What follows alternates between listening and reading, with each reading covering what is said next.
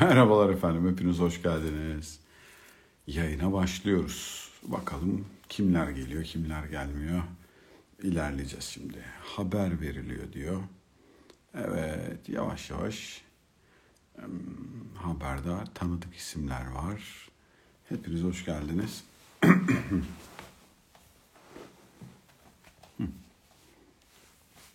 evet. Yüzü bekliyorum. Yüz olunca e, yorumları kapatıyorum ve ondan sonra da sohbetimizi etmeye başlıyoruz efendim. Ayağınıza sağlık. Hepiniz hoş geldiniz tekrar. E, yüzleri bulduk. Yavaş yavaş burayı kapatalım. E, herkese selamlar, sevgiler. Efendim hepiniz hoş geldiniz öncelikle. E, ayağınıza sağlık. Ayırdığınız zaman için şimdiden teşekkür ediyorum. E, bu pandeminin belli bir yerinde başlamış olan bu canlı yayın serüveninin bir başka haftasında birlikteyiz. Bu hafta da geçen hafta ön yargılar konusunu konuştuk. Ön yargılar konusu bizim böyle seçerken hafif böyle ya olacak mı, olmayacak mı, gerçekten insanların hoşuna gidecek, ilgisini çekecek bir konu mu değil mi diye e, hafif tereddütlü alanlardan bir tanesiydi. Fakat görünen o ki bayağı bir ilgi gördü. E, neden ilgi gördü kısmına gelince bugün de sorduğum sorularla işi biraz daha anlamaya başladım. Ee, benim daha önceden üstüne böyle çok düşündüğüm, çok çalıştığım, çok okuduğum konulardan bir tanesi değildi. Ama bu iki haftanın içinde biraz böyle üstüne çalışmaya başlayınca, biraz daha ilgilenince bir şeyin farkına vardım. Ya bu ön yargı meselesiyle ilgili biz aslında kendimizle ilgili birçok şeyi farkındayız. Yani ön yargımız var mı, yok mu? Varsa neye karşı var? Bunun bir ön yargı olup olmadığının farkında mıyız? Bundan bir rahatsızlığımız var mı, yok mu? Hayatı nasıl yürüteceğiz? Bu böyle olduğu zaman bize bir sıkıntı yaşatıyor mu, yaşatmıyor mu? Konularıyla ilgili bayağı ciddi fikir sahibiyiz ha onu söyleyeyim. Yani böyle hiç bilmediğimiz, aa öyle de bir şey mi varmış falan filan dediğimiz bir konu değil. Fakat sıkıntılı olan yeri de burası. Bir yandan bilip bir diğer taraftan da halen hayatında tuttuğum bir konu gerçekten insan açısından gergin, insan açısından yönetilmesi zor konulardan bir tanesi. Ön yargılar konusu da böyle konulardan biri. Şimdi bugün dün ve bugün, dün biraz daha söyledim ama bugün daha ciddi bir şekilde döndünüz. Çok teşekkür ediyorum. E, sabahleyin hikayede dedim ki bu ön yargılar konusuyla ilgili ne düşünüyorsanız, kafanızda ne varsa, kendinizde ne görüyorsanız bana bir anlatın. Bir iki bir şey yazın, üstüne konuşalım, ben de üstüne düşüneyim diye. Yüzden fazla mesaj geldi bugün. Yani tanıdık tanımadık, bildik bilmedik bir sürü insandan bir sürü mesaj geldi. Ve görünen odur ki biz hayatımızı öyle ya da böyle bu ön yargıların içerisinde yürütüyoruz. Yani ön yargı ne demek? Herhangi bir konuyla ilgili elinde yeterince veri olmadan, veri olmamasına rağmen o konuyla ilgili bir yorumlama yapmak, o konuyla ilgili bir karar vermek, o konuya dair bir fikir sahibi olmak demek. Elinde veri yok, üstüne yeterince düşünülmüş değil. Birden içimden otomatikman bıt diye geliyor böyle. İşte e, o hale biz ön yargı diyoruz. Şimdi bu ön yargı dediğimiz şey bizim hayatımızda, bizim hayatımızı zorlaştıran unsurlardan bir tanesi. Çünkü içinde bir şey bir yandan gerçeğin farkında, bir diğer taraftan da bir başka yerden dolayı, bir başka nedenden dolayı içine doğduğun aile olabilir, yetiştiğin yer olabilir, gördüğün bir deneyim değil ama bir başkasının hayatından gördüğün bir şey olabilir, o olabilir, bu olabilir. Bunların sonunda sen bir konuyla ilgili hiç farkında olmadan fikir sahibi oluyorsun. İşte ondan sonra da ona göre bir davranış seçiyorsun, ona göre hareket ediyorsun. Buna da biz ön yargı diyoruz. Şimdi bunun zorluğu ne kısmına gelince ben bugün bana gelen mesajları okurken e, bir kere bir şey söyleyeyim. Hepsini okudum. Eksiksiz. Her okuduğuma okudum diye dönemedim. Dönebildiklerim var, dönemediklerim var ama emin olun bugün sabah ve dün gönderilmiş olan mesajların hepsini okudum. Mesajlar bana göre üç farklı grupta toplanıyorlar. Yani onları gruplamadan ele almak mümkün değil. Her birini teker teker ele almak mümkün değil. İşte insanlara karşı şöyle ön yargım var. Efendim bilmem nerelilere karşı şöyle ön yargım var. Efendim erkeklere karşı şöyle ön yargım var. Efendim kadınlara karşı şöyle ön yargım var. Efendim ne bileyim hayvanları sevenlere karşı, sevmeyenlere karşı ya da işte ne bileyim şunu destekleyenlere karşı, bunu desteklemeyenlere karşı diye bin bir türlü şekilde toplanmış benim dışımdaki insanlara yönelik bir ön yargı hali var. Bu unsurlardan bir tanesi. Şimdi bu bir diğeri birazdan onu konuşacağım. Benim kendime dair ön yargılarım var. Bu daha ağır bir alan onu söyleyeyim. Yani şunu yapabileceğim halde yapamayacağımı düşünüyorum. Şunu böyle halledebileceğim halde halledemeyeceğimi düşünüyorum. Bir şeye girişme yerine şöyle şöyle düşünüyor kendimi tutuyorum. Bilmem neyi bilmem ne yapmak yerine kendime böyle böyle bir şey söylüyorum ve kendimi topluyorum çerçevesinde ele alınabilecek.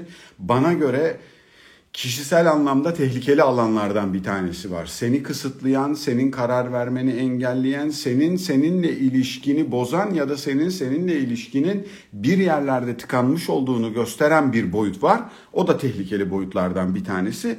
Bir diğeri de biliyoruz ama yapamıyoruzları söyleyen mesajlar var biliyoruz ama yapamıyoruzların üstüne de ayrıca konuşmak lazım. Bu akşam bu üç konuyla ilgili konuşacağım. Bir tanesi benim benim dışımdaki insanlara yönelik ön yargılarım. Bir tanesi benim kendime dair ön yargılarım. Bir de bütün bunları anlamış olmama rağmen uygulamaya alamadığım yere dair ön yargılarım efendim. Şimdi benim diğer insanlara dair yön yargılarımın özünde çok temelinde, çok içinde benim öyle ya da böyle kendimi güvende hissetme ihtiyacım var. Neden öyle bir şey yapıyorum? Biz yaşamımızın içerisinde başka insanlarla ilgili fikir yürüterek, başka insanlarla ilişkimizin içerisinde zorlanmayacağımız bir ortam yaratmaya çalışıyoruz. Yani ben her şeyi bileyim, ben herkesi tanıyayım, herkesi değerlendireyim ve o tanıdığım, değerlendirdiğim duruma göre de hayatımı devam ettireyim diyoruz. Yani ben eğer kimin puanının ne olduğunu bilirsem, kime nasıl yaklaşacağımı bilirsem, kime ne söyleyeceğimi bilirsem, işte onu yaparsam, bunu yaparsam hayat benim açımdan kolay olur. Buradan yola çıkışla da bizim başka insanlarla ilişkimizi yönetmeye, yönlendirmeye, farklılaştırmaya çalışıyoruz. Bu çok kolay bir şey değil onu söyleyeyim. Yani bunun en yoğun örneklerini temas ettiğimiz diğer insanlarla görüyoruz. Hadi başka bir örnek daha vereyim. Kadın erkek ilişkileri içerisinde görüyoruz. Efendim kadınlar şöyledir demekten çekinmiyoruz. Erkekler böyledir demekten çekinmiyoruz. Ve bunu genelleyerek elimizde hiçbir veri olmadan yaptığımız zamanlar oluyor. Kadın ve erkeğin birbirinden farklı olduğu anlar, yerler, ortamlar, şunlar bunlar mevcut olmakla birlikte bizim söylediğimiz kadar değil efendim. Yani burada ifade edildiği kadar, burada söylendiği kadar birbirimizden farklı, birbirimizden bu kadar kökten köke farklı türler halinde hayatımızı yürütmüyoruz. Ha ama evet bazı söylediğiniz şeylerle ilgili bazı bir takım tabanlar olabilir. Sağdan soldan duymuş olduğunuz şeyler olabilir.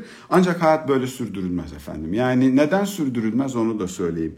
Herhangi bir insanla ben karşı karşıya geldiğimde artık geldiğim yeri söyleyeyim. Ben bunları hiçbirini yapmadım diyemem. Ben bunların hepsini yaptım eksiksiz bugün size anlattığım her ne varsa emin olun burada aylardır, haftalardır bir sürü şey anlatıyoruz. Hepsiyle ilgili düşülecek ne kadar hata varsa, yapılacak ne kadar yanlış varsa, ne kadar çukur varsa hepsinin içine düşmüş birisi olarak konuşuyorum. Bunu da ya övünerek falan filan söylemiyorum. Hayat böyle bir şey. Hayat bazen seni öyle acayip yerlerden geçiriyor, öyle acayip yerlere götürüyor ki sen o çukurun içerisine girdiğin anda bile fark etmiyorsun. Sen de aynı şeyleri yapıyorsun. Ben yapmadığımı düşünüyor olmama rağmen yaptım bunları.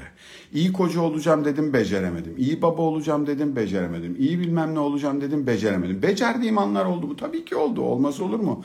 Ama beceremediğim anlar da oldu. Şimdi becerdiklerimin ve beceremediklerimin farkındayım. Bunların üstüne gitmeye çalışıyorum. Ancak bunların üstüne gitmeden önce bir insan kendi yaşantısının içerisinde şunu yapmaya çok meyilli. Hepimiz bunu yapıyoruz. Ortada bir ihale varsa yanlışı kendi üstüme yazmaktansa çok ağırdır çünkü insanın ben hata yaptım diyebilmesi. Burada yanlış bendeydi diyebilmesi. Yanlışı yaptığı anda kendiyle ilgili bir şey söyleyebilmesi çok ağırdır. Bunu yapmak yerine biz benim dışında birilerini benim yerime suçlamayı tercih ediyoruz. Diyoruz ki arkadaş ben bir şey yapmadım onlar bilmem ne yaptı ben ondan dolayı böyle davrandım. Şimdi sen ben bir şey yapmadım onlar böyle davrandı ondan dolayı böyle davrandım diyerek yaşamın içerisinde bir sorumluluktan kaçmış oluyorsun bir.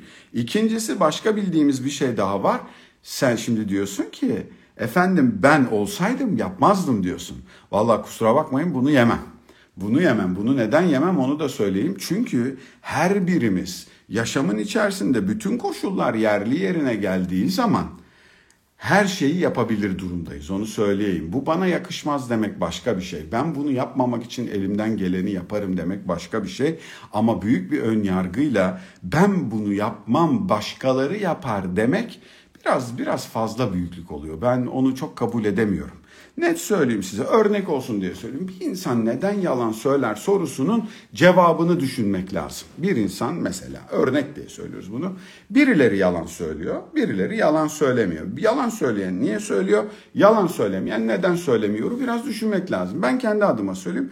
Ben pek yalan söyleyen birisi değilim. Hiç yalan söylemem dersem bu yalan olur. Elimden geleni yapıyorum.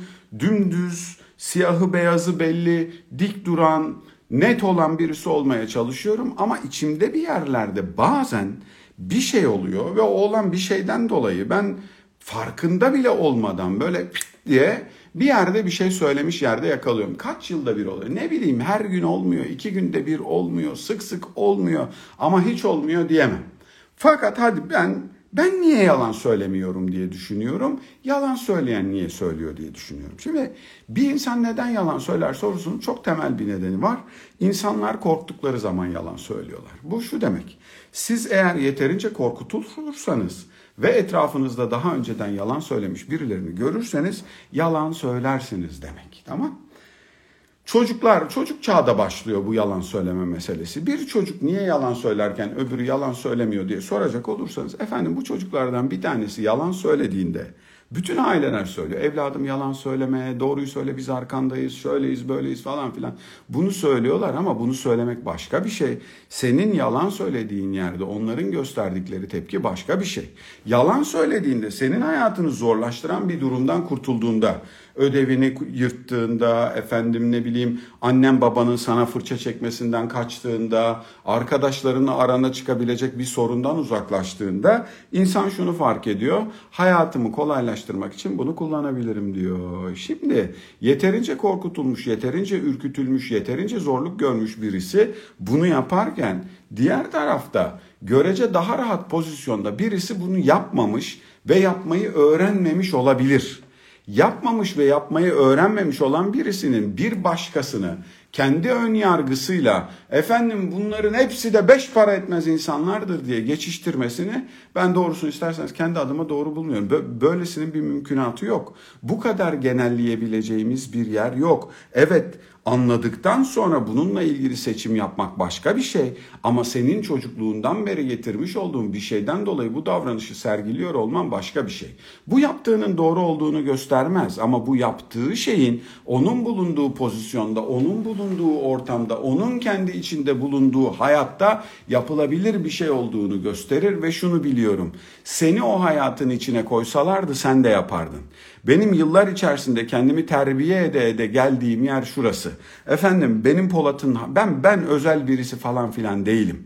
Benim anamın babamın evine, benim yaşadığım hayatın içerisine, benim büyüdüğüm hayatın içerisine herhangi birini koysaydınız çok muhtemel Polat gibi birisi olurdu.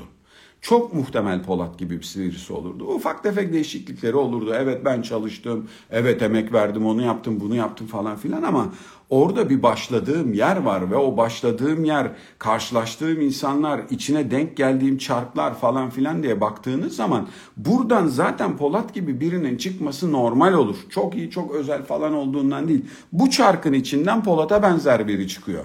Ama öbür çarkın içine beni koysalardı çünkü biz köken itibariyle, çünkü biz yapı itibariyle, çünkü biz doğum itibariyle birbirimizden öyle muazzam farklı insanlar değiliz. Bende ne varsa sende o var. Sende ne varsa bende o var. Sadece bazılarımız zaman içerisinde bazı yerlerini sivriltmişiz, bazı yerlerini bile isteye köreltmişiz. Bazılarımız da bazılarını o halde kullanmışlar.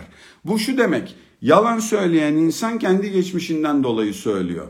Doğruyu söyleyen insan kendi geçmişinden ve bugünkü aldığı karardan dolayı bunu söylüyor.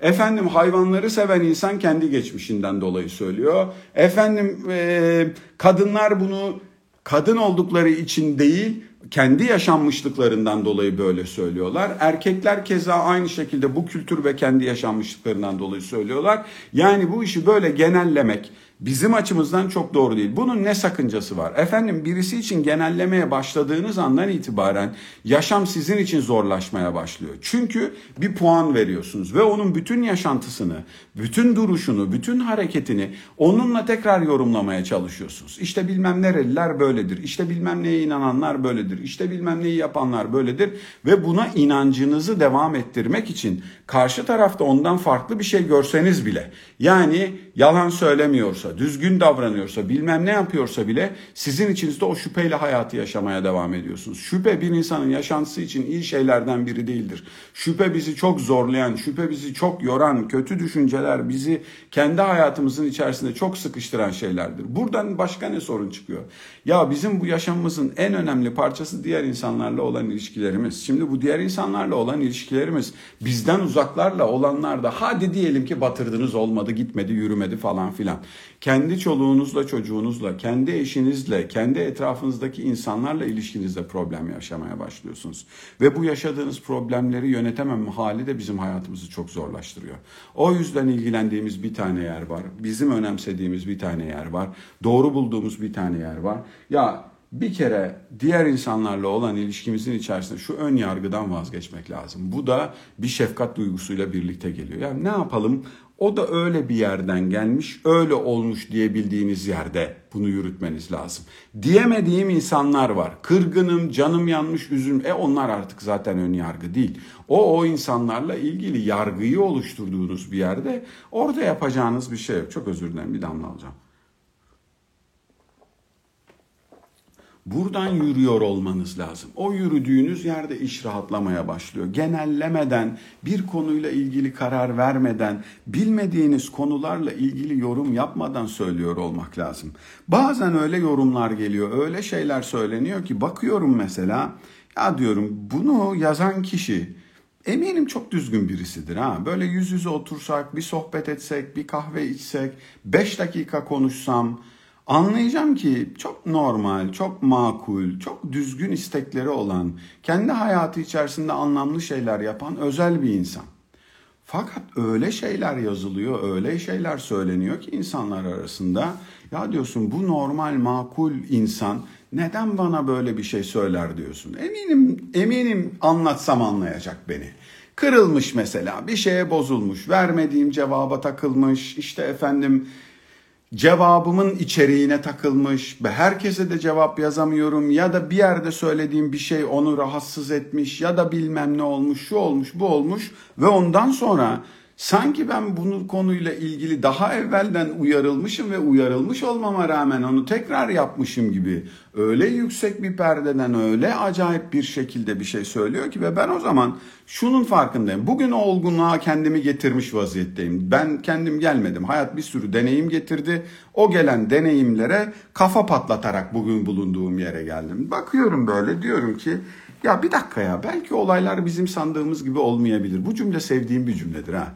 Olaylar sandığımız gibi olmayabilir demek yaşamın bütününe ben hakim değilim demek. Zaten yaşamın bütününe hakim olma ihtimalim yok. Ben Polat olarak bütün hayatın her alanını yönetemem. Bütün hayatın her alanı hakkında da bilgi sahibi olamam. Ha sahip olabildiğim yerler var, olamadığım yerler var. Olamadığım yerlerle ilgili de gevezelik yapmamam daha doğru olur diye düşünüyorum. Anlamak için soru sormaktır önemli olan.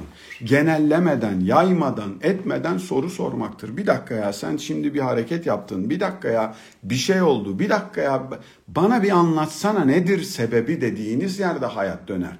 Bunu özellikle çoluğunuz, çocuğunuz, eşiniz, ananız, babanız, yakınınızdaki insanlar için canı gönülden öneriyorum. Yapmayın.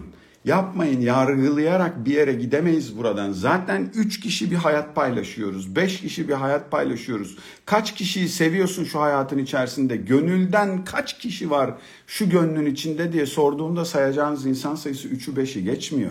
Evet bir sürü insan var etrafımızda ama oraya bir yere koyabildiğin insan sayısı o kadar az ki. Oraya konulabilecek olanların sayısını da azaltan bir şey bu. Ondan dolayı bu ön yargı işini kaldırıp bir kenara koymakta fayda var. Benden başka hiçbir insan benim geçmişimden gelmiyor. Benden başka hiçbir insan benim içinden geldiğim eğitimden, tedrisattan, deneyimden gelmiyor ve dolayısıyla da hayata benim gibi bakmıyorlar. Hayata benim gibi bakmıyorlar. Kendilerine göre kaygıları, kendilerine göre ihtiyaçları, kendilerine göre sorunları var ve biz bunların farkında olmayız de olmak durumundayız dediğimiz yerde hayat yürüyor. Onu söyleyeyim size. Birincisi bu. Benden başka insanlara yönelik ön yargılarım benim hayatımı çok zorlaştıran unsurlardan birisi ve başka bir şey daha söyleyeceğim. Ön yargıyı genelde olumsuz duygularla tanımlamışsınız. Yani bir başkasının iyi insan olmadığına dair, bir başkasının kötü nitelikleri olduğuna dair bir şeye yönelik söylenmiş. Belki bir örnekte, belki bir örnekte işte bilmem neyi yapanlara yönelik bunu yapanların hepsi iyi insanlardır diye düşünürüm demiş bir arkadaşımız ve bunun her zaman için öyle olmadığını biliyor olmama rağmen öyle düşünürüm. Bu bir ön yargıdır demiş. Şimdi bu iyi ama bir başkasıyla ilgili olumsuz düşünmeye meyilli olmak bizim hayatımızı çok zorlaştıran unsurlardan bir tanesidir. Nasıl geçireceksin gününü ya? Her gün birileri bana kötülük yapacak, birileri benimle bilmem ne yapacak diye diye bu hayatı sürdürmek mümkün değil. O yüzden bu ön yargılardan biraz uzaklaşmak lazım. Seçeneklerden bir tanesi bu. İlk seçeneğimiz bu. Bizim diğer insanlarla olan ilişkimizde diğerlerine ön yargılı yaklaşmak. Diğerlerinin kafasının bizimkinden farklı çalıştığını kabul etmemek. Diğerlerinin dünyaya bizimkinden baklı başka türlü bakabilir olduklarını fark etmemek. Bir başkasının dünyaya baktığı gibi bakmayı seçmeden tek doğru, tek düzgün olan, tek kabul edilebilir olan benimkisidir demek. Kusura bakmayın eğer bunu yaşamınızın tüm alanlarında yapıyorsanız bir kere sizin hayatınız çok gergin geçer çok gergin geçer. Başka hiç kimseye sizinle beraber olma imkanı vermezsiniz. Nefes aldırmazsınız, bir esneklik sağlamazsınız. 2-2 artı 4 benim hayatımda budur dediğiniz yerdir. Ama bundan daha ağır olan bir hal var. Bundan daha ağır olan ön yargı hali benim en çok üzüldüğüm hal. Efendim bu ön yargı hali bizim kendimize dair ön yargımız. Şimdi bu bu öbüründen daha fena bir şey. Onu söyleyeyim. Bir insanın yaşamındaki en önemli ilişki kendisiyle olan ilişki. Benim Polat olarak Polat'la olan ilişkim bütün hayatımın en önemli ilişkisi. Yani ya birincisi ben bu adamı seviyor muyum? Bu adamla aram iyi mi? Bu adam önemsediğim insanlardan biri mi? Bu adam benim gözümde güvenilir bir adam mı? Efendim bu adam ne diyeyim size? Bu adam bu adam böyle iyi bir ekip üyesi, iyi bir arkadaş, ne bileyim bir işe girdiğinde elinden geleni yapan, e, uğraşan, anlayışlı, başka insanlarla düzgün ilişkiler kurmaya çalışan birisi midir, değil midir sorusuna evet cevabı vermekle ilgili bir şeydir. Ama bu soruların tümüne evet cevabını verdiğinizde bile bu arkadaşa yaşamın bir yerlerinde arada sırada çuvallama hakkını da tanıyor olmak lazım. Şunu söylemek lazım. Bu Polat denilen adam var ya bu Polat denilen adam. iyidir, hoştur ama arada sırada da beceremez bir arkadaş diye biliyor olmak lazım. Bazı konularda saçmalar, saçlama, saçmalaması da hakkıdır diye biliyor olmak lazım. Ancak o zaman bir yere gidiyor. Ben bu hakları vermediğim zaman Polat'a, ben bu hayatı Polat'ın bu tavırlarıyla birlikte yürütmediğim zaman yaşam makul, mantıklı, anlamlı bir yere doğru gitmiyor efendim. Sürekli zorluk çıkmaya başlıyor benim hayatımda.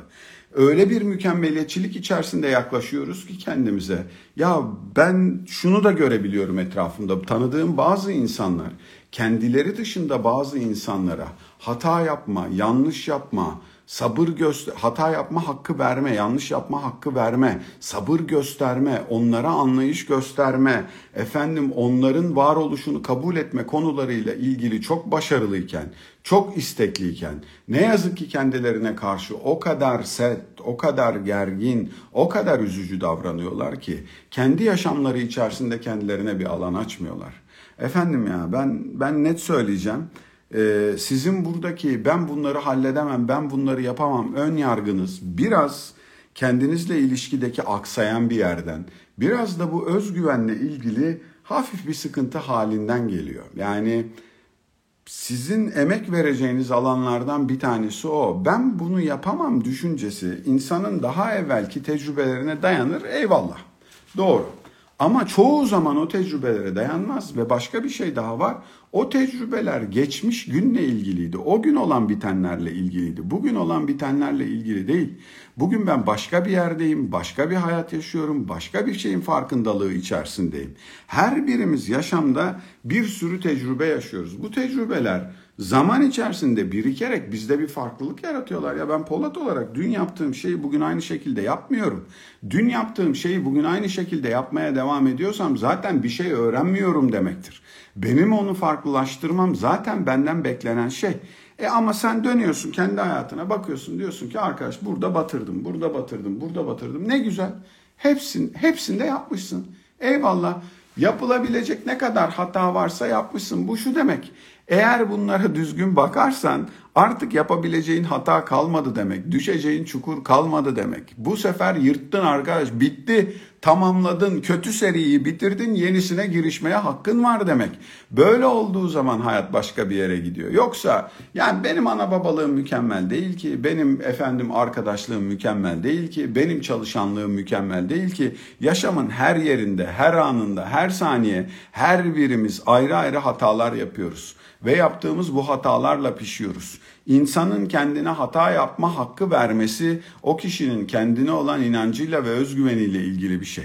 Bırak biraz giriş ne yapalım ya? Girişeceksin, kafayı gözü yaracaksın, bir iki tane hata yapacaksın. Yaptığın hatadan canın yanacak, kanın akacak, o olacak, bu olacak. Böyle öğreneceksin. Ben şu an itibariyle söylüyorum bazı konularla ilgili kendimi yaşamımda istediğim yere getirmiş vaziyetteyim. Bir şeyi algılama, anlama, anladığım şeye kendimce yumuşak tepki verme. Birlikte çalıştığım arkadaşlar, sağda solda benimle çalışan insanlar falan mesela şeyi görüyorlar. Ee, ben zor öfkeleniyorum iş dünyasıyla ilgili gerçekten. Ee, zor geriliyorum. Sabrım çok gelişti. Neden öyle oldu? Ya arkadaş ben 30'lu yaşlarımda tırnaklarımı kemirirdim. Ya bu iş nasıl olacak? Yarın ne yapacağız? Öbür gün ne yapacağız diye. Fakat zaman içerisinde bir şey anladım. Benim kontrolüm altında olan bir tane şey var. Vereceğin emek. Polat emeğini verdin mi? Uğraştın mı güzel kardeşim? Yapacağını yaptın mı? Yaptım. E peki bunun dışında ne var? Bunun dışında yapacağım hiçbir şey yok ya. Bundan başka yapacağım hiçbir şey yok. Emeğimi vermişim, niyetimi temiz tutmuşum, uğraşımı sergilemişim. Benim elimden gelen bu kadarı. Bunun dışında yapabileceğim başka bir şey yok demeye başladığım yerde hayat rahatlamaya başladı. Ön yargımdan uzaklaştığım yerde ya da bunu dediğim yerde ön yargımdan uzaklaşmaya başladım. Yani benim adım Hıdır elimden gelen budur dediğim yerde ben başka bir yere varmaya başladım. Ama bu Hıdır dürüst bir Hıdır ha onu söyleyeyim size. Bu Hıdır hakikaten dibine kadar yapılması gereken ne varsa onu yapıyor. Bu Hıdır böyle 3 yapıp 5 de yapabilecekken elimden gelen budur diyen Hıdırlardan bir tanesi değil. O ayrıyeten başka bir şey daha var. Bu Hıdır bir konuyla ilgili geliştirilebilir bir yer anlarsa yani fark edersem ki oğlum Polat üç kağıt yapıyorsun ha bu, bu daha iyi olabilirdi bundan ama bugün hakkıyla oynamadım bu oyunu dediğim yerdeysem hocam ben o zaman uğraşırım. Canavar gibi uğraşırım canavar gibi. Canavar gibi uğraşırım ve olmuyorsa derim ki bu sevda bana göre değil. Ama canavar gibi uğraşmadan olmuyor bu sevda bana göre değil diyorsanız kusura bakmayın oyunu hakkıyla oynamıyorsunuz demektir. Karı kocalığınızda problem varsa, arkadaşlığınızda problem varsa, çoluk çocuk yetiştirmenizde problem varsa, ana babanızla ilişkinizde problem varsa kusura bakmayın hocam. Önce bakacağınız yer burasıdır. Bir dakika ya ben bunlar halledilmez, düzeltilmez deyip kenara mı çekiliyorum? Yoksa bununla ilgili elimden geleni yapıyor muyum? Bununla ilgili elimden geleni yaptığım yerde hayat bambaşka bir yere gelir. Ben kendi adıma söyleyeyim yani ben hayatımın içerisinde bu ve bunun benzeri o kadar çok şeyle uğraştım ki evliliğimin ilk yılları gerçekten berbattı bu anlamda. Ben düşünüyorum şimdi hakikaten kötü bir kocaymışım ya. Kötü bir kocaymışım. Kötü bir adam değildim. Kötü bir insan da değildim ama dönüyorum bakıyorum bugün olduğum yerden bakıyorum. Yanlış şeyler yapmışım. Yani Hepsini de iyi niyetle yapmışım. Hepsini de doğru sandığım için yapmışım ama yanlış şeyler yapmışım ve o yanlış bulduğum şeyleri değiştirmekle ilgili çok uğraşmam gerekti benim. Kolay olmadı. Ve ben bunları değiştirene kadar bir sürü insan üzüldü onu da söyleyeyim size. Sonra hayatımın daha ilerleyen aşamalarında belli bir yere geldi mesela. Ya geçen anlattım herhalde ama anlatmadıysam hani şimdi anlatmış olayım. Ee, ben çok kısa bir sürenin içerisinde annemi kaybettim. Yani benim annem hastalandı. Annem hastalandığında ben 2003 yılıydı işte. Ee, Nisan ayında hastalandı. Kolu ağrıdı. Kolu ağrıyınca fizik tedavi verdiler. Fizik tedaviye gitti. karnı ağrıdı verilen ilaçtan. Doktor dedi ki bu ilaç karını ağrıtmaz dedi. E, siz bir baktırın karnınıza dedi. Birileri annemin karnına baktı. Ve annemin karnına bakan ilk doktor dedi ki e, annemin de velisi e, annenizin dedi pek bir ömrü kalmamış. Annem ayakta, her şey normal, kadın işine gücüne gidiyor falan filan. Olur mu öyle şey ya falan filan dedik. Ben yerinizde olsam hiç uğraşmam dedi. Yani üzersiniz, yorarsınız sadece kadın dedi. Yapabileceğiniz bir şey yok dedi. Olmaz dedik biz öyle ama giriştik yani yapacak bir şey yok. Ailecek hepimiz giriştik. 6 ay dedi ilk gören doktor. Çok sürmedi. 5 ay 23 gün sürdü öyle söyleyeyim size ve bitti. Bitti yani. Bitince başka bir hayat oluyor onu söyleyeyim size. Bitti ve ben e, önce bir böyle darma duman oluyorsun. Çünkü fırtına gibi geçiyor 6 ay. Yani e, yaşam başka türlü bir şey oluyor orada. Böyle birini kurtarmak ve hayatında bir şeyi becerebilmek için uğraşıyorsun. Ne gecen oluyor, ne gündüzün oluyor, ne bir şeyin oluyor. Çünkü bir tane hedefimiz var. E, ailecek hepimizin. E, annem daha uzun bizimle olsun. Bunun için uğraşıyoruz ama olmadı. Sonunda sonunda bir bir sona geldi ve o sona gelince de bitti. O sona gelip bitince de biz böyle kaldık. Herkes kendi içine döndü ve ben de tabii ki kendi içime döndüm. Kendi içime dönünce de bir şey fark ettim. Ya ben annem uzun yaşar sanıyormuşum hakikaten. Yani annem annem benim çocuklara bakar sanıyormuşum. Yani o ana kadar o anda da çocuk sahibi de değilim ha onu da söyleyeyim ama kafamın bir yerinde yarın öbür gün ben çocuk sahibi olursam annem annem bakar işte annem annem çok iyi bir öğretmendi. Annem işte ne bileyim bunları çalıştırır, ne bileyim annem yaz tatillerinde öyle yapar. Çünkü ben gördüm annemi başka çocuklarla yani ben büyüktüm ve annemin işte yiyen kuzenlerimle falan ilişkilerini onu bunu gördüm. Annemin kendi öğrencileriyle yaptıklarını gördüm falan. Ee, gerçekten isterdim öyle söyleyeyim. Hakikaten isterdim yani iki çocuğumla zaman geçirsin falan filan diye ama olmadı. Olmadı eyvallah tamam.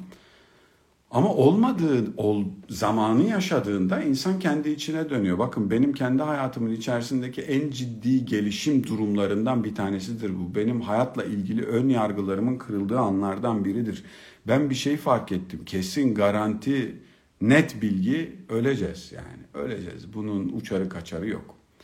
Ve günü de belli değil ha. Yani her gün böyle bir ihtimal var ve her gün böyle bir ihtimalin olduğu yaşamın içerisinde bütün bu ön yargılarla, bütün bu safsatalarla, bütün bu kafanı yoran, seni rahatsız eden, seni sıkıntıya sokan, seni berbat eden bu hikayelerle nasıl devam ediyorsun ya? Ben o gün orada kendimi sorgulamaya başladım. Bugün dedim eğer son günse. Çünkü öyle bir ihtimal var. Her gün var bugün bu zaman hayatın sonuysa buralarda bir yerde bitecekse eğer bu hikaye baba ben ne yapıyorum ya ben ne yapıyorum hakikaten ne yapıyorum ya yani onu kafaya takmışım, öbürünü kafaya takmışım, onunla ilgili gerginim, öbürüyle ilgili bilmem neyim, bununla ilgili bilmem neyim. Ve böyle bir, bir, bir bulandı benim, bütün dünyam bulandı kendi içimde. Ben benim kendi kişisel gelişim süreçlerimin en önemli olaylarından bir tanesidir bu. Ben dedim ya bu, bu böyle olmayacak. Ve o zaman kendi yaşantımın sağına soluna bakmaya başladım. Nerede ne oluyor? Ne, ne yaşıyorum ben bu hayatın içinde ya? Ne yaşıyorum arkadaş? Bugün bitebilir bu dediğim yerde bakmaya başladım. Ve bugün bu bitebilir dediğim yerde de bir şeyleri değiştirmeye karar verdim. Önce ifrada kaçtım onu da söyleyeyim. Önce saçmaladım. Çünkü insan bir şeyden korkunca ve anlamadan korkunca anladığını düşünüyorsun ama anlamak öyle kolay değil. Anladığını düşünüp korkunca Önce ifrada kaçıyorsun. Her şeyi öteliyorsun. Her şeyi itiyorsun. Her şeyden uzaklaşıyorsun. Bu hayat benim diyorsun. Bundan sonra hiçbirinizi buralara sokmayacağım diyorsun. Ben gönlüm nasıl isterse, canım nasıl çekerse öyle yaşayacağım bu hayatı diyorsun. Önce iyi geliyor onu da söyleyeyim. Her şeye ve herkese gider yapmak, her türlü durumda trip atmak, hep kendini merkeze koymak. İşte gerçek bencillik orada onu söyleyeyim size hiç başka birini düşünmeden, bir başkasını hesaba almadan sadece hayır demiş olmak için hayır deme halinden bahsediyorum size. Ben bunu yaptım. Ben bunu 5 sene kadar bir zaman dilimi yaptım. Anlamışım bir şey ama doğru düzgün de anlamamışım onu, onu söyleyeyim size. Orada bir takım ön yargılar. var. Bunların hepsi var ya bunların hepsi. Bunların hepsi kendi hayatlarını yaşamaya çalışıyorlar ve kendi hayatlarını benim üstümden yaşıyorlar dediğim yerde orası. Ön yargının en önde gideni. Bunların hepsi öyle yapmıyorlar. Kusura bakma Polatçım. Bunların hepsi öyle yapmıyorlar. Bunların içinden bazen bazıları her insanın olduğu gibi kendi hayatlarını kolaylaştıracak bir iki tane konuyla ilgili acaba öyle olur mu diye soruyorlar ama seni manipüle etmiyorlar, seni kandırmıyorlar, oraya itmiyorlar, bunu yapmıyorlar, bunu yapmıyorlar. Abi sen yapıyorsun, her ne oluyorsa sen yapıyorsun Polat. Bunu anlayıp değiştirmeye karar verdiğim zaman yaşam başka bir yere geldi onu söyleyeyim size. Ve oradan sonra benim benden başka insanlara yönelik toleransım da kendime olan toleransım da artmaya başladı. Baba bu Polat iyi çocuktur ama beceremez bazen dediğim yerde ben çok rahatladım ya. Bu bana yakışmaz demek yerine bana yakışmadığını düşündüğüm şeyler var ama mutlaka yapmam diyemiyorum dediğim bir noktaya geldiğimde hayat başka bir yere geldi. Ben de hata yapabilirim. Ha ben de hata yapabilirim demeye başladığın anda babam da hata yapabilir, kardeşlerim de hata yapabilir, komşum da hata yapabilir, öbürü de yapabilir, beriki de yapabilir demeye başlıyorsun. Ve onların hata yapıyor olması ana özel, onların olduğu kişinin bir özelliğine özel. Genelleyemem ben bunu. Komşuluk bitmiştir diyemezsin. Babalar, anneler artık şöyledir diyemezsin. Kardeşler bitmiştir öyle diyemezsin. Hayır efendim diyemezsin. Bunların hepsi genellemedir. Bunların hepsi ön yargıdır. Bunların hepsi senin hayatını zorlaştıran, senin canına ot tıkayan hikayelerdir. Bunlarla hayat yürür mü ya? Bunlarla hayatı yürütmeye çalıştığında nefes alamıyorsun ya. Nefes alamıyorsun ama bunun yerine başka türlü bir şey koymak mümkün. Bizim alıştığımız hayat bu, bizim inandığımız hayat bu. Daha doğrusu bizim bize inandırılmış olan hayat bu. O zaman acaba bununla ilgili farklı bir şey yapılabilir mi dediğin yerde başka bir yere geliyorsun. Ben bunları anladıktan sonra yaşamdaki ilişkilerimle ilgili çok ciddi değişiklik olmaya başladı ve ben rahatladım. Rahatladım gerçekten rahatladım. Ya bunlar böyle olmak zorunda değil. Bunlar formül. Bunları böyle uygulamak zorunda değilim. Ne onun ne benim ne bir başkasının sevgisi böyle yaşamıyor. Herhangi birimizin hayatı böyle yaşamıyor. Böyle babalık yapmak zorunda değilim. Böyle arkadaşlık yapmak zorunda değilim. Böyle eşlik yapmak zorunda değilim. Böyle bilmem ne yapmak zorunda değilim dediğin yerde hayat seni başka bir yere götürecek. Ve onun farkındayım ben. Böyle olduğu zaman yürekten orada olabiliyorsun. Ya yürekten bir yerde olabilmekten daha keyifli, daha güzel bir şey var mı ya? Zorunluluktan değil, itmeden değil, kalkmadan değil, ondan değil, bundan değil. Yüreğim aktığı için, yüreğimden geldiği için orada olma halinden bahsediyorum. Bu bu çok özel bir şey ya. Bu çok özel bir şey. Ve öyle ancak oluyor bu. Ha, buradan sonra şak diye geliyor mu? Yok gelmiyor. Öyle olmuyor. Onu söyleyeyim size.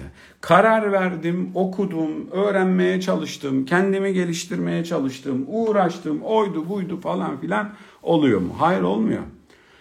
Olmuyor vallahi olmuyor. Yani ben bu alanla ilgili çok okuyan, çok yazan, bu alanla ilgili konuşan, bu alanla ilgili eğitim veren, bu alanla ilgili bir sürü şey yapan bir adam olmama rağmen inanın çuvalladığım bir sürü yer var. Hem kendimle ilgili, hem çoluğumla çocuğumla ilgili, hem başka insanlarla ilişkimde bir sürü yerde beceremiyorum.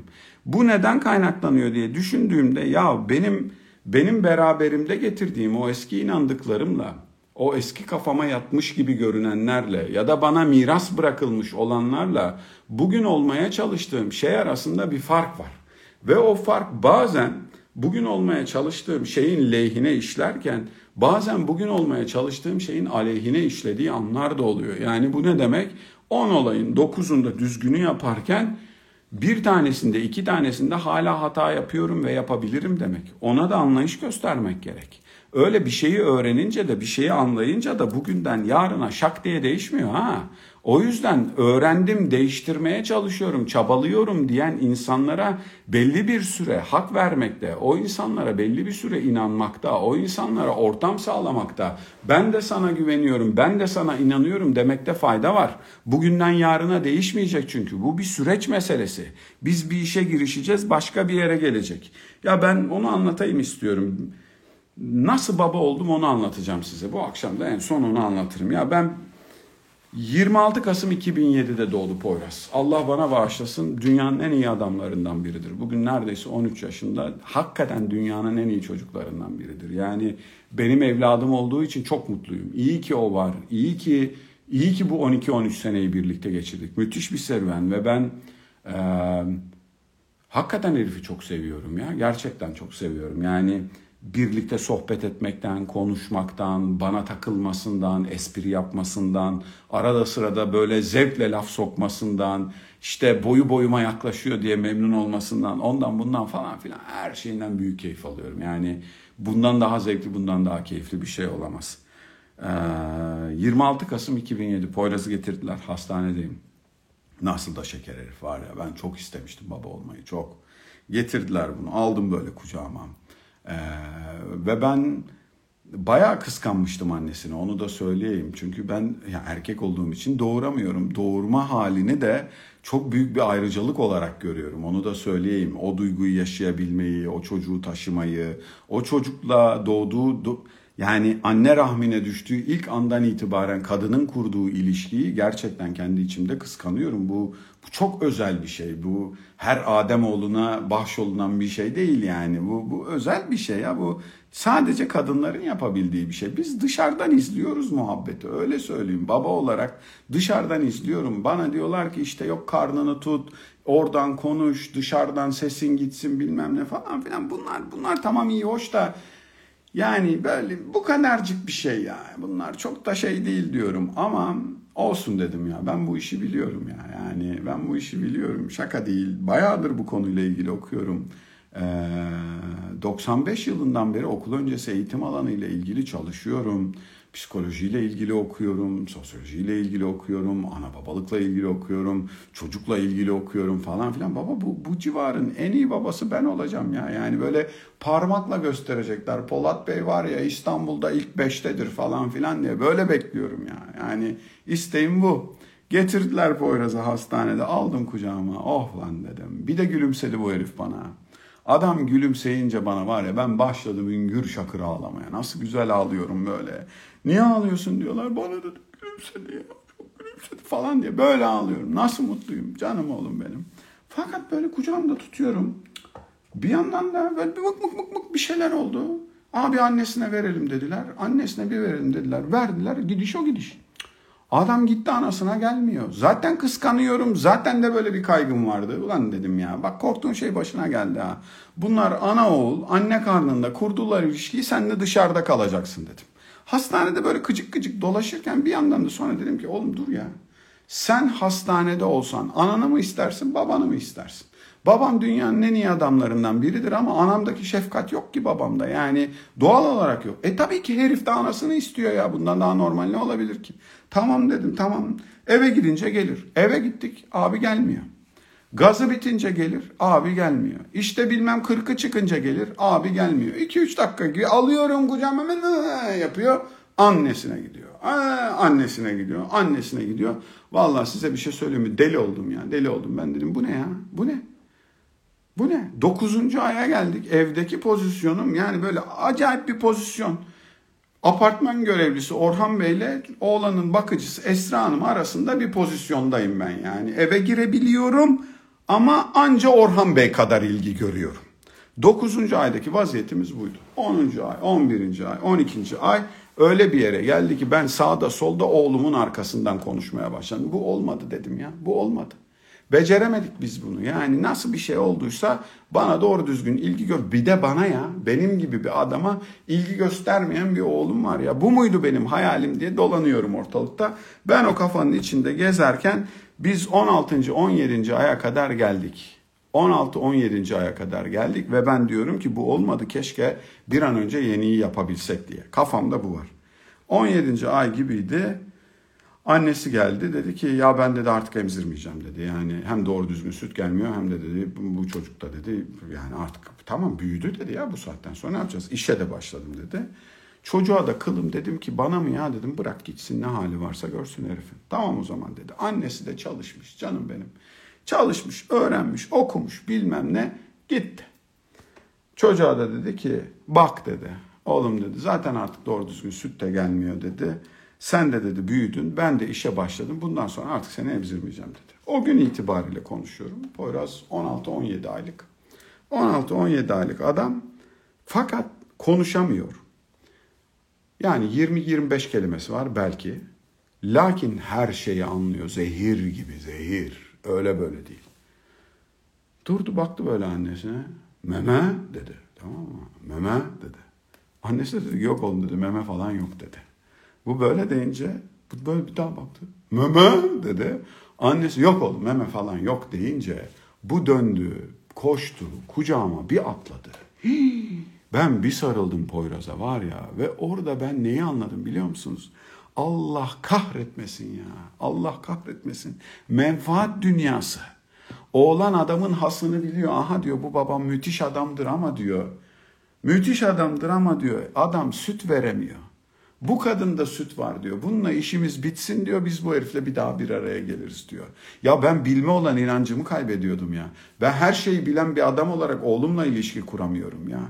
Aldım bunu kucağıma nasıl öpüyorum, nasıl kokluyorum, nasıl böyle yan yanayız var ya. Yanak yana terliyoruz. Böyle buradan ter akıyor aşağıya. Çok mutluyum, müthiş. Ama size bir şey söyleyeyim bu, bu gitti gitti ne kadar gitti? Bir ay gitti ya. Bir ayın içerisinde herif beni bitirdi. Arkadaş bu ne zor bir şeymiş ya. Ben işten eve geliyorum akşam saat 6-7 gibi. Ben eve geldiğimde bu adam gündüz boyunca yemiş, içmiş, yatmış, uyumuş, yemiş, içmiş, yatmış, uyumuş. Full şarj akşamleyin beni kapıda karşılıyor. Baba diyor bir karşılıyor kapıda. Kucağıma bir atlıyor. Atlayış o atlayış. Yatana kadar nefes alamıyorum ben ya. Nefes alamıyorum. Geberdim bittim ya. Yorgunluktan bilmem ne. Gündüz uykusu da yaptığı için adam uyuyor 11-12'de. Bunu yatırıyorum bir saat, bir buçuk saat sonra da bağırıyor içeriden. Baba diye. Annesi de diyorum ki ya bir baksana şuna. Yok diyor sen çok istiyordun kendin bak olduğuna diyor. Öyle bir hikaye.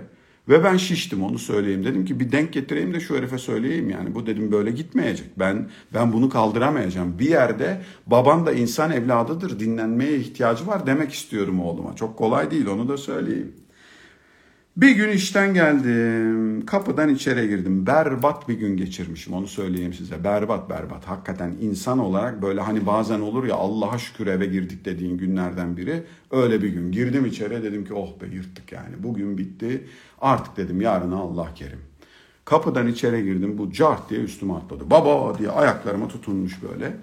Alacağım almayacağım kucağıma öyle bir aradayım. Bakıcısı geldi. Bakıcısı geldi. Kadın bir şeyler anlatmaya başladı. Size bir şey söyleyeceğim. O kadar yorgunum ki. Ama diğer taraftan da diyorum ki. Oğlum diyorum bak bu kadın sabah saat 7'den beri senin evladınla birlikte, senin evladınla, para pulun falan filanın ötesinde sabah 7'den beri. Ve sabah 7'den beri bizim kuralımız oydu. Televizyon, televizyon falan da açmadan bütün gün boyunca bu çocukla oturdu oyun oynadı bu. Oturdu oyun oynadı. Arkadaş çekilir nane değil ya. Senin katlanamayacağın şeyi bir insan senin çocuğun için yapıyor. Az saygı göster Polat. Bu karşındaki insanın bugün bir yetişkinle hiçbir konuşması olmadı. Seninle sohbet etmeye ihtiyacı var. Ya da darlanmış bir şey anlatmaya ihtiyacı var. Dinliyorum. Ha öyle mi? Evet falan filan. Evet evet evet, evet. dinliyorum. Bu sırada oğlan da ayaklarımdan yukarı tırmanmaya çalışıyor. Bir ara telefonum çaldı. Çıkarttım cebimden konuşmaya başladım. İşle ilgili bir bela var, bir dert var. Neyse onu halletmeye çalışıyorum. Ben telefondayım ama kadıncağız hala konuşmaya devam ediyor. Keşke sussa diyorum ama ben telefondayım. Neyse. O vaziyetteyken diğer telefonum çaldı. Diğer telefon çalınca onu almak üzere aşağıya eğildim. O çantanın içindeydi. Onu da aldım, açtım çünkü iki telefondaki konu birbiriyle ilgili biriyle biriyle eş zamanlı olarak konuşuyorum. Öbürüne de bir şey söylüyorum. Mehmet böyle dedi, Ahmet böyle yapın dedi. Bir dakika bir dakika falan filan diye. İki kulağımda birer telefon. Kadın konuşmaya devam ediyor. Arkamdaki kapı açıldı. Arkamdaki kapı, evin kapısı açıldı. Eşim girdi, eski eşim girdi. Ve ondan sonra ben aşağıya eğilince de Poyraz da boynumdan tuttu böyle. Tutunmuş buraya böyle sallanıyor burada. Tutunmuş böyle boynuma benim üstümde sallanıyor tırmanmaya çalışıyor. Babam sarılmak istiyor falan diye düşündü sanıyorum. Üstümden Konuşmaya başladılar ikisi. Oğlan boynumda, kulaklarımda telefon. Böyle acayip bir durum oldu ve ben cinnet geçirdim. Cinnet geçirdim resmen ya. Bir dakika abi dedim. Ben arayacağım ikinizi dedim. İki telefonu kapattım. Ben iki telefonu kapatınca iki kadın da sustu. Bir tek Poyraz boynumda kaldı. Abi dedim buna da anlatayım ya. Ben buna da neyin ne olduğunu anlatacağım. Böyle çekilir nane değil bu ya. Aldım Poyraz'ı şöyle bir kendimden uzağa koydum. Göz hizasına indim. Bütün kitaplar bunu söylüyor. Çocuğa nasıl mesaj verilir? Göz hizasına inin, dizlerinizin üstünde gözünün içine bakarak davranışının üstünden kendi duygunuzu somutlayarak ben diliyle anlatın diyor. Tamam mı? Yani çocuğun kişiliğine bir şey söylemeyeceksin, davranışıyla ilgili konuşacaksın ve o konuşmayı da kendi duygunun üstünden yapacaksın. Ben kendimi kötü hissettim, ben şöyle hissettim, ben böyle oldum diye anlatacaksın. Başladım anlatmaya. Anlatırken de diyorum ki oğlum nasıl güzel anlatıyorsun ya. Nasıl iyiyim var ya of çok güzel be. Çok iyi anlatıyorum. İçimden de diyorum ki yaz kitabını. Kitabını yaz artık kitabını. Bak çocuğun üstünde de denedim bütün bildiklerini. Cayır cayır işe yarıyor. 17, 18 aylık, 19 aylık çocukta fıstık gibi işe yarıyor hepsi. Çok iyisin Polat'ım diyorum. Başla. Yüklendim. Anlatıyorum, anlatıyorum. İşte ben işten geliyorum. Babalar da yorgun olabilir. Yorgun olunca kendilerini kötü hissedebilir. Bilmem ne vıdı vıdı vıdı. Sen kucağıma geldiğin zaman ben kendimi de iyi hissetmeyince öyle duygular falan filan anlatıyorum. Misler gibi, misler gibi.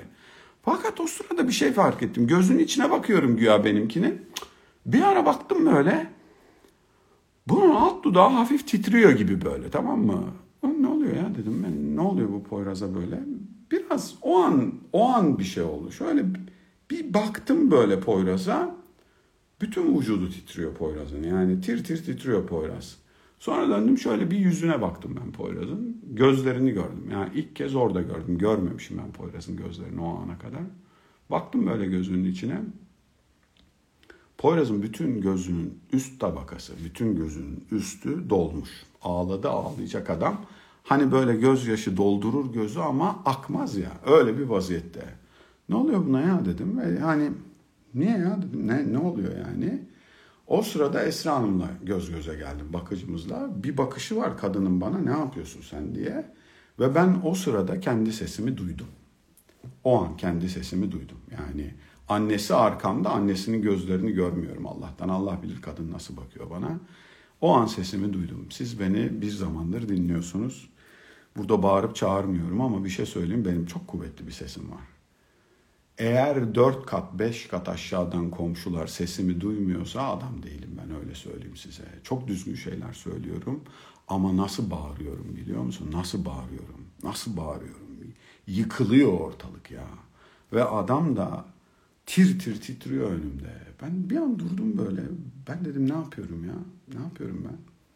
Böyle bir an durdum onu söyleyeyim size. Böyle yukarıya çıktım. Yukarıdan bir yerden kendimi görüyorum. Ve net söyleyeyim size şöyle oldu. Bir, iki, üç, dört. Bu kadar geçti. Poyraz oradan bir koştu. Şuraya tam tam karnımın yanına kafayı bir soktu. Çocuk bir ağlamaya başladı. Nasıl ağlıyor biliyor musunuz Poyraz? Nasıl ağlıyor? Ya adam diyor ki ne yaparsan yap diyor. Sen benim babamsın diyor. Sen sen benim babamsın diyor. Ben diyor sana ihtiyaç duyuyorum şu anda diyor. Bağırsan da diyor, çağırsan da ne yaparsan yap diyor. Benim sana ihtiyacım var. Ben kime bağırıyorum peki? Ben 17 aylık olduğuma bağırıyorum ya. 17 aylık olduğuma. Ben niye bağırıyorum biliyor musun? Bana sarılma diye bağırıyorum herife. Ben size bir şey söyleyeyim mi? Üç kütüphane dolusu kitap okumuşumdur belki o güne kadar. Yok yani hiç hiçbiri işlememiş oldum sana. Hiçbiri senin kafaya girmemiş ya. Yani okumuşsun ama hiçbir faydası olmamış. Ben o gün orada baba oldum biliyor musunuz? Yani Poyraz'ın o hareketiyle birlikte baba oldum. Baba olmak, anne olmak, insan olmak, bir şey bilmek. O eğer sizin yüreğinize işlememişse, içeride bir yerde değilse, burada bir yerde gezdiriyorsanız çok da bir para etmiyor ha onu söyleyeyim yani. Çok da bir para etmiyor. Ve bu bu noktasında bazen işte o hani söyleyenler var ya anladım işte ama bilmem ne falan filan ama yapamıyorum falan. Bir tek söyleyecek şeyim var size. Bir tek cümlem var benim size söyleyebileceğim. Ya gönlünüze sindirmenin yolunu bulun. Yoksa biliyor olmanızın hiçbirimize hiçbir faydası yok. Onu söyleyeyim size. Hiçbir faydası yok. Yani ben o kafayla devam etseydim berbat bir ilişkim olurdu bugün çocuklarımla. Yani hata yapmıyor musun? Yapıyorum. Bağırmıyor musun? Tabii ki bağırıyorum arada sırada. Engel olamadığım anlar oluyor. Sesimin yükseldiği anlar oluyor falan filan ama gidip özrümü de diliyorum onu da söyleyeyim. Ama o gün için konuşuyorum size. Ben ben oğlum 17 aylıkken baba olabildim. Hiç de olamayabilirdim ha. Onu da söyleyeyim. Benim ülkemde çocuk sahibi olan ama baba olmayı becerememiş bir sürü erkek ve bir sürü kadın var. Anne olmayı becerememiş. Ee, babası varken babasız büyümüş bir sürü çocuk da var onu da söyleyeyim. Ve bunlar ondan sonra gidip mezar başında ağlıyorlar. Ya bir de sevseydin beni daha iyi olurdu diye. Hocam kolay değil bu işler. O yüzden bir sürü ön yargıdan oradan buradan sıyrılıyor olmakta fayda var.